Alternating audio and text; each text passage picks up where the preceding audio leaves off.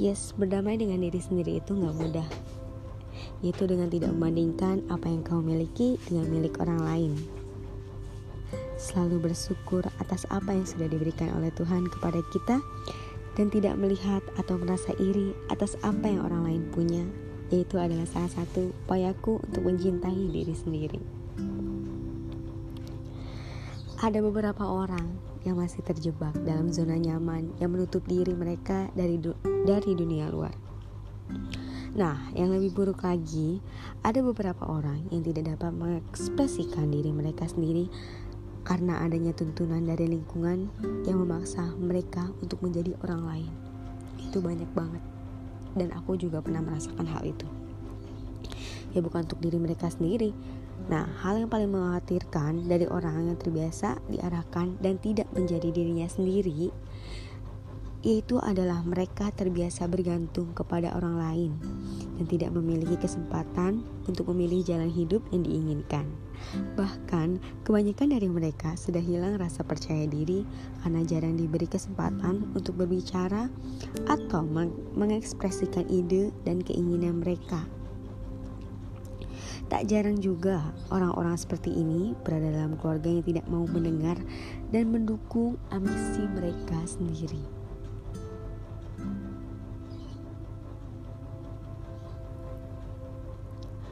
Untuk dapat mencintai diri sendiri, hal pertama yang dapat kita lakukan adalah pertama, kita sangat mudah menilai orang lain, baik perilaku maupun sifat mereka tapi kita jarang mengerti apa yang sebenarnya ada dalam diri kita. Nah, banyak orang di luar sana yang masih belum paham apa kelebihan dan kekurangan mereka, dan apa sih sebenarnya keahlian yang mereka punya, dan apa target mereka dalam beberapa tahun ke depan.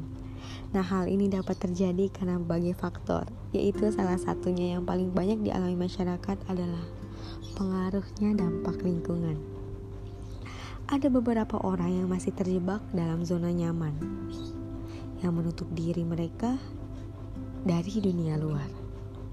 Nah, yang lebih buruk lagi nih teman-teman, ada beberapa orang yang tidak dapat mengekspresikan diri sendiri karena adanya tuntunan dari lingkungan mereka.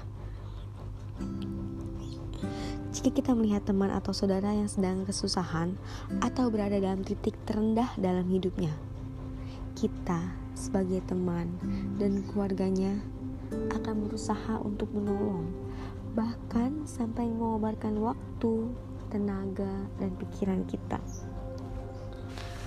Akan tetapi, apakah kita pernah merasa bersimpati pada diri kita sendiri?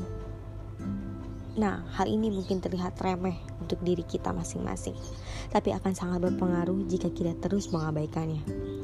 Untuk dapat mencintai diri sendiri, love yourself, hal pertama yang dapat kita lakukan adalah memahami diri sendiri. Ya, nah, itu kita sangat mudah menilai orang lain ya kan? Nah, dari situ kita jadi tahu bahwa mencintai diri sendiri itu lebih halnya kita terhadap tidak insecure terhadap apa pun. Menjak orang lain tanpa melihat diri kita. Mari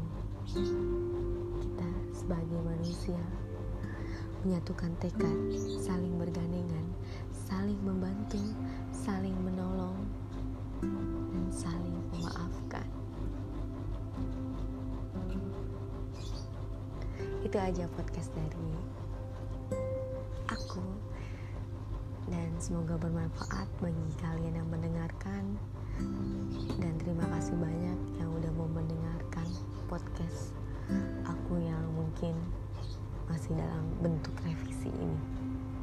Oke itu aja. Terima kasih atas waktunya. Assalamualaikum